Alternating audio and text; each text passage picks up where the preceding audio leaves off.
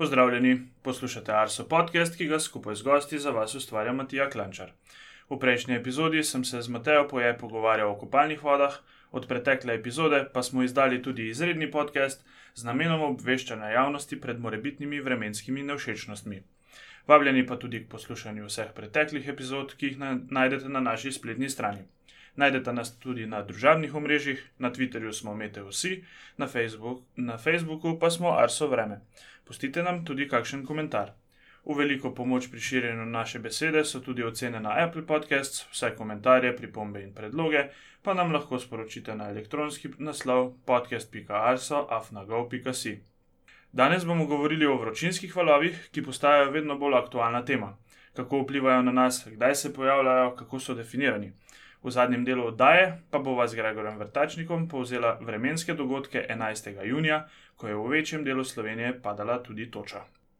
O vročinskih valovih se bom danes pogovarjal z meteorologinjo Nežo Lokošek, ki se je s tematiko srečala že pri pisanju magistrske naloge, raziskovanje na tem področju pa je nadaljevala tudi v okviru svojih nalog na oddelku za podnebne analize. Pozdravljena, Neža. Živa. Uh, spet bo prvo vprašanje, dosti podobno kot v vseh dosedanjih podcastih.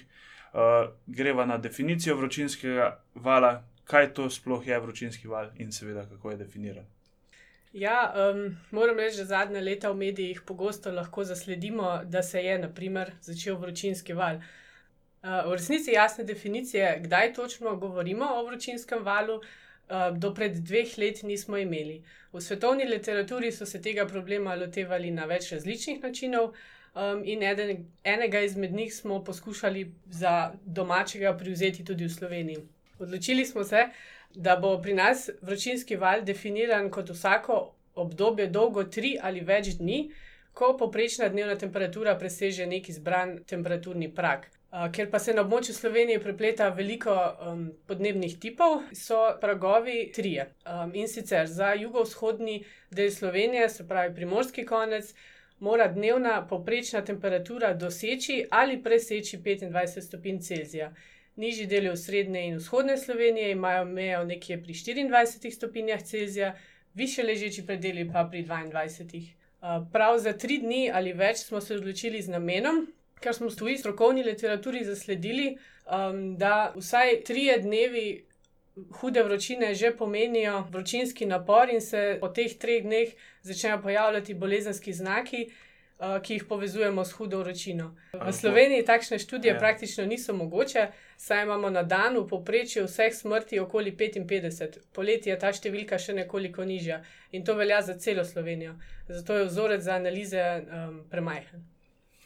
Okay. Uh, katere meteorološke spremljivke pa so še pomembne pri opisovanju vročinskih valov?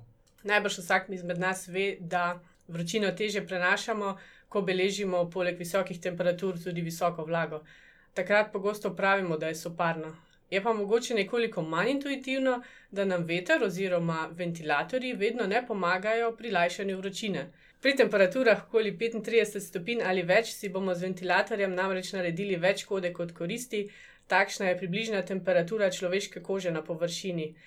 Z nojenjem telo poskrbi, da se tanka plast zraka okrog človeškega telesa shladi pod temperaturo okolice in s tem nam je neko, nekoliko bolj vzdržno, če lahko temu tako rečemo.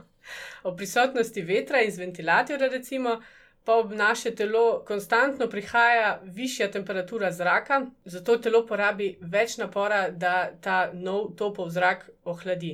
In zato porabimo veliko več energije, kot pa če um, vetra ne bi bilo. Naša definicija, ki sem jo že omenila, sicer res, da uporablja samo poprečno temperaturo, je pa ravno poprečna izbrana z namenom, ker zelo dobro opiše tudi vlago. Dnevi, ko imamo visoke dnevne maksimume in prijetno hladne noči, niso tako obremenilni. Bolj problematična so obdobja, ko nad nami ustraja zra vlažna zračna masa, ki poskrbi, da se tudi po noči ne moremo primerno shladiti in spočiti. Ob takih dneh ni nujno, da imamo izjemno visoke dnevne temperature, vendar je verjetno za poslabšanje kroničnih bolezni in bolezenski stan povezanih z vročino veliko večja. Uh, okay. Kdaj pa bilo največ vročinskih valov v Sloveniji, pa mogoče kateri je bil najmočnejši? Imáš kakšne te podatke? Ja, najprej, da omenim to, da se različni vročinski valovi med sabo res težko primerjajo, ker je zelo pomembno, sploh kako dolgo traja ta vročinski val, kako, visoko, kako visoke so temperature nad um, neko mejno določeno vrednostjo. Pa tudi to je zelo pomembno, če ne najpomembneje, kdaj točno v letu se je dogodek zgodil. Sami vemo, ravno kar smo doživeli nekaj podobnega, ko je bilo po izjemno hladnem maju, ko se je kar naenkrat segrelo na 30 in več stopinj Celzija.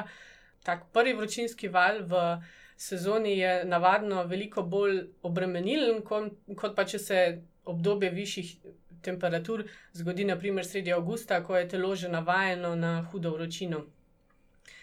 Za primerjavo različnih vročinskih valov med sabo obstaja veliko različnih kazalnikov. Eden izmed njih je bil izoblikovan pred nekaj leti v Italiji in nekako skuša v eni številki zauzeti vse te tri značilnosti, se pravi, kdaj v letu se je pojavil, koliko časa je trajal, pa kako zelo visoko smo bili nad mejno vrednostjo. Um, in če povzamemo, prav ta uh, vročinski kazalec, lahko rečemo, da smo um, absolutno najmočnejši vročinski val v Sloveniji v večjem delu države imeli leta 2013. Če pa gledamo recimo našo definicijo, ki sem jo opisala na začetku, pa lahko rečemo, da smo najdaljši vročinski val imeli v Ljubljani in to leta 2003 ko smo imeli kar 10 zaporednih dni poprečno temperaturo višjo od 24 stopinj Celzija, se pravi praga za vročinski val. Ja, tistega leta 2004 res ne bomo še kar tako hitro pozabili. Je. Um, je pa mogoče kakšno območje v Sloveniji, kjer so vročinski valovi še posebej izraziti ali pa imajo mogoče večji vpliv? Ja, to prav dobro vsak izmed nas ve, ki se vozi vsakodnevno v službo v večja mesta.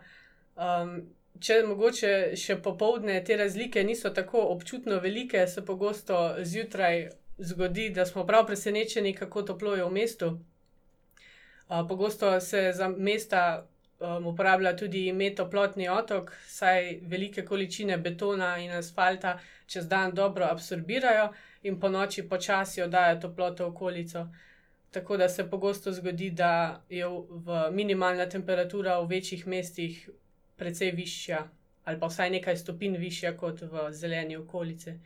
To, da so pa še kako zelo pomembne tudi temperature po noči, sva pa že tako ali tako omenila. Mhm. Eh, v 12. epizodi smo se pogovarjali o meteoalarmu.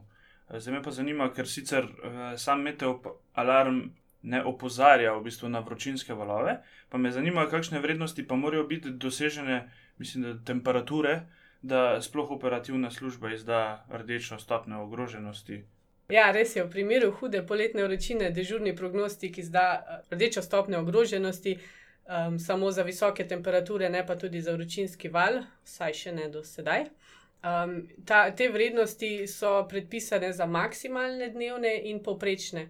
Mejne vrednosti za, um, so za, vsaki, za vseh pet regij določene posebej. Um, lahko pa za primerjavo oziroma za nek občutek povem, da v jugozahodni regiji, se pravi primors na primorskem koncu, dosežemo prag za rdeč, rdečo stopnjo ogroženosti pri maksimalnih temperaturah 38 Celzija, in poleg tega mora biti dosežen še prag za povprečno temperaturo, ki je 28 stopinj Celzija. Povsem enake vrednosti veljajo za jugovzhodni del, so pa seveda te vrednosti nekoliko niže za gorenski konec.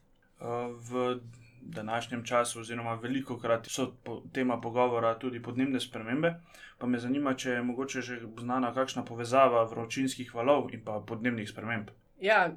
Pred kratkim smo se lotevali podnebnih projekcij in seveda smo um, z zanimanjem pregledali tudi, um, kaj se bo dogajalo z vročinskimi valovi glede na to, da tako poprečne, maksimalne in minimalne temperature kažejo trend naraščanja, ne glede na to, kateri scenarij um, se bo v prihodnosti odvijal, um, smo lahko iz tega že sklepali, da se bodo najverjetneje tudi vročinski valovi, um, njihova intenziteta oziroma pojavljanje povečevalo, in res je tako.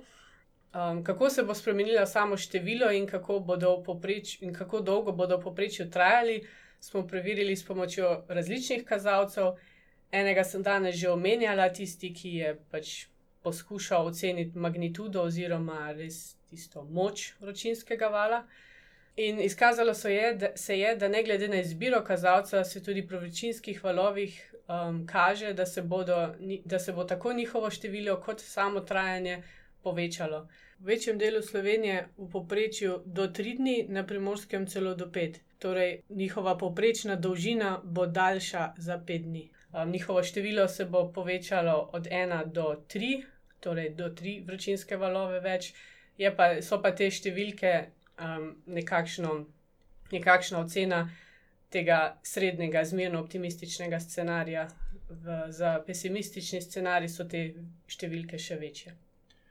Uh, prej se že v nekih odgovorih uh, omenila, drugač, da vročinski valovi seveda vplivajo na človeka. Pa me mogoče zdaj zanima na tem mestu, kako uh, da boš v bistvu bolj zbrala ta odgovor. Ja, no, to mogoče nisem jaz najboljši naslov, ampak vseeno nekaj sem si pa le uspela um, med pisanjem magistrske naloge uh, prebrati tudi v tej smeri. Um, kako vročinski valovi vplivajo na posameznika, je to seveda zelo odvisno od različnih dejavnikov.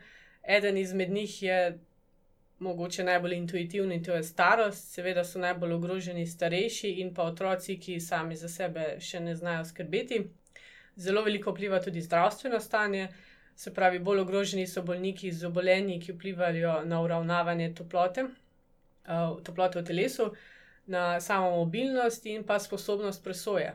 Pomemben je socialno-ekonomski status, naprimer nizek socialno-ekonomski status, brezdomstvo, socialna izoliranost. Vsi ti ljudje imajo mogoče nekoliko slabši um, dostop do zdravstvenih ustanov in recimo do klimatiziranih prostorov. Um, so pa še tudi dejavniki iz okolja, kot je naprimer snažen zrak, slabši dival, bivalni pro, pogoji, um, velik poudarek, se pa mogoče veliko krat pozablja, je pa delo na prostem, zato ker se na delavce um, na cestah ali pa recimo v tovarnah, kjer je preko vsega leta visoka temperatura, pogosto pozablja. Slabše bivalne um, Razmere imajo tudi prebivalci večjih mest, kot sem že omenila, um, toplotni otoki. Um, so pa najpogostejše bolezni, ki se pojavljajo v času ekstremne vročine, uh, vročinski izpuščaj in oteklina, vročinski krči. Najbolj zaskrbljujoča sta pa vročinska izčrpanost in vročinska kap. V bistvu nekakšni osnovni teli simptomi so zelo podobni med vsemi, neka glavobol, zmedenost, slabost, bruhanje, tudi omedlevica. Tako da, če vas pestijo te simptomi, mogoče ni slabo za obisk zdravnika. Uh, za konec skušamo drugače tudi z našim podcastom nekako svetovati našim poslušalcem, kako se obnašajo recimo, v določenih vremenskih situacijah. Pa mogoče me tudi zanima, kaj bi recimo svetovala ljudem ob velikih toplotnih obremenitvah.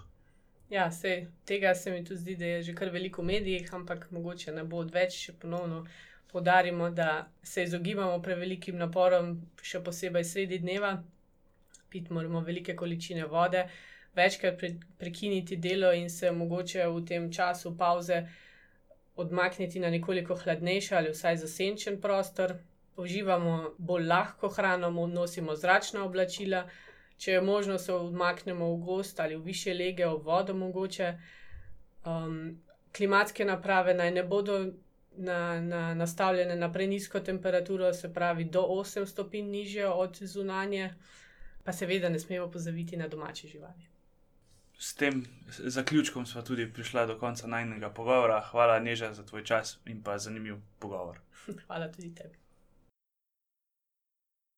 Sedaj pa se mi je pridružil tukaj v studiu Gregor Vrtačnik z oddelka za podnebne analize, eh, ki bo pa malce povedal o neurju, ki smo ga imeli minuli torek, to se pravi v torek 11. junija, eh, ko je v večjem delu Slovenije padala toča. Eh, Gregor, kaj se je dogajalo v torek? Vremenska situacija je bila sicer tipična za neurja, za naše kraje pa precej izjemna, eh, zlasti nestabilnost v zraku je bila zelo velika. V višinah je k nam pritekal iznad Severne Afrike zelo topov in suh zrak, zlasti tam na nadmorskih višinah nad 1500 metrov. V srednjem delu troposfere na višini približno 5-6 km je bil zrak, glede na spodne plasti, sorazmerno hladen. Pri tleh pa je z rahlim vzhodnikom oziroma jugovzhodnikom dotekal pa zelo vlažen zrak iz nadpanonske nižine. Uh, in uh, ozračje pri tleh je bilo uh, zlasti v jugovzhodni Sloveniji zelo soparno. Sredi dneva so nastale prve nevihtne celice na območju južno od Ljubljane, potem se je pa kar hitro vzpostavil nevihtni sistem, ki je potoval v naslednjih urah proti Beli krajini. Hkrati pa je uh, se nevihtna aktivno začela tudi na Gorenskem, oziroma nekoliko južneje, nekako severno od Idrije. Uh, in ta dva sistema sta bila glavna uh, nevihtna sistema v Sloveniji tisti dan. Zvečer je bilo sicer nekaj nevihtnega dogajanja še v vzhodni Sloveniji, vzhodno od celja proti Pomorju. Uh, seveda največja uh, težava teh neur je bila zelo velika toča, marsikje, zlasti na območju, širšem območju Kočevja, Sodražice uh, in Bele krajine. Toča je bila res izjemno velika za Slovenijo, tudi v svetovnem merilu, toča velikosti tam okrog 10 cm pada zelo redko. No, in da oblak nosi tako debelo točo, so potrebni zelo močni vzgonski vetrovi, ki presegajo hitrost 100 oziroma celo 150 km/h.